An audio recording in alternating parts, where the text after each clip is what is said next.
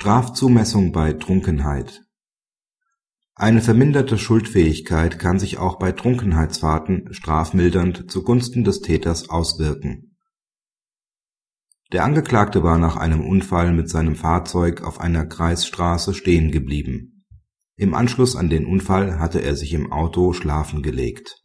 Eine dem Angeklagten entnommene Blutprobe ergab einen Mittelwert von 1,68 Promille Aufgrund einer Rückrechnung war es möglich, dass der Angeklagte zur Tatzeit eine Blutalkoholkonzentration von 2,45 Promille aufgewiesen hatte.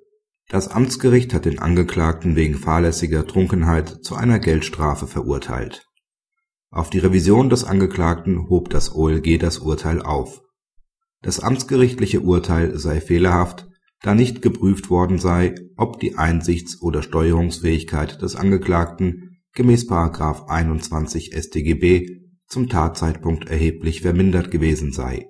Auf diese Prüfung hätte das Amtsgericht nicht verzichten dürfen, da das Vorliegen erheblich verminderter Schuldfähigkeit grundsätzlich den Schuldgehalt und die Strafwürdigkeit der Tat verringert. Praxishinweis Trunkenheitsfahrten mit einem Blutalkoholkonzentrationsgehalt von über 2 Promille sind leider nicht selten nach ständiger Rechtsprechung liegt bei Blutalkoholkonzentrationswerten von 2 Promille an aufwärts die Annahme der Voraussetzungen des § 21 StGB nahe, so dass der Tatrichter das Vorliegen des § 21 StGB prüfen muss. Bei Werten von über 2,5 Promille ist der Ausschluss der Schuldfähigkeit in Betracht zu ziehen.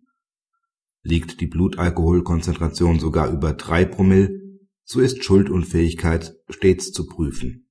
Auch wenn nach der Rechtsprechung des BGH in den Fällen verschuldeter Trunkenheit bei Vorliegen des § 21 StGB in der Regel eine Strafmilderung nicht in Betracht kommt, entbindet dies den Tatrichter nicht von der erforderlichen Einzelfallprüfung.